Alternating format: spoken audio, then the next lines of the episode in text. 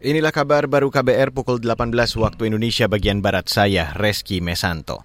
Saudara Presiden Joko Widodo akan segera mengumumkan kebijakan larangan ekspor tembaga mentah menyusul kebijakan serupa yang telah berlaku untuk nikel. Hal tersebut disampaikan Jokowi saat menghadiri Mandiri Investment Forum 2023 di Jakarta.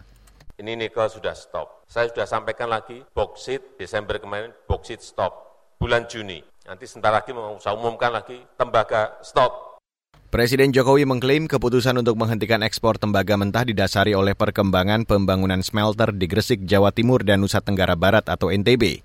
Kedua smelter itu, kata Jokowi, sudah mencapai lebih dari 50 persen. Jokowi juga menambahkan, Indonesia saat ini telah menjadi pemegang saham mayoritas PT Freeport Indonesia. Kini kita beralih ke kabar pemilu. Kabar pemilu.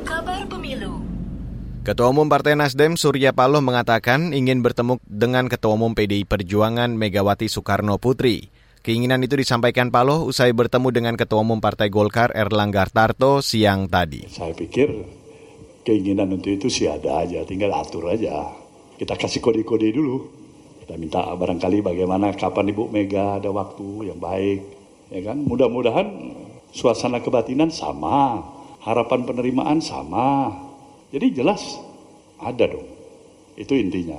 Ketua Umum Partai Nasdem Surya Paloh mengatakan setiap partai punya kepentingan sama demi kemajuan bangsa. Sebelumnya hubungan Nasdem dengan PDIP dikabarkan merenggang usai Paloh mendeklarasikan bekas Gubernur DKI Jakarta, Anies Baswedan sebagai bakal calon presiden di Pilpres 2024. Saudara Polda Papua menyebut jumlah anggota kelompok bersenjata di bumi Cendrawasih mencapai 500 orang lebih. Direktur Reserse dan Kriminal Umum Polda Papua, Faizal Ramadhani, mengatakan jumlah itu diperoleh usai polisi melakukan pemetaan dalam lima tahun terakhir.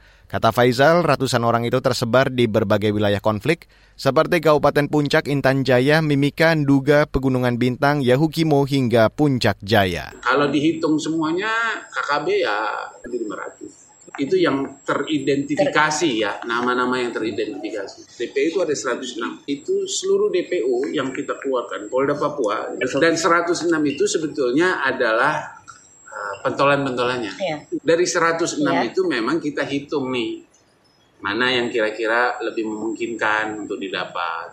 Tapi semua target itu ada di bagian 100 itu. Direktur Reserse dan Kriminal Umum Polda Papua Faizal Ramadhani mengatakan Polisi terus mencari dan berupaya menangkap para pimpinan kelompok bersenjata yang masuk dalam DPO. Dia menuding selama mereka terus melakukan aksi kekerasan terhadap aparat keamanan dan warga sipil. Dalam lima tahun terakhir, Polda Papua menangani sekitar 50-an kasus kekerasan yang dilakukan kelompok bersenjata. Demikian kabar baru yang dipersembahkan oleh KBR, saya Reski Mesanto.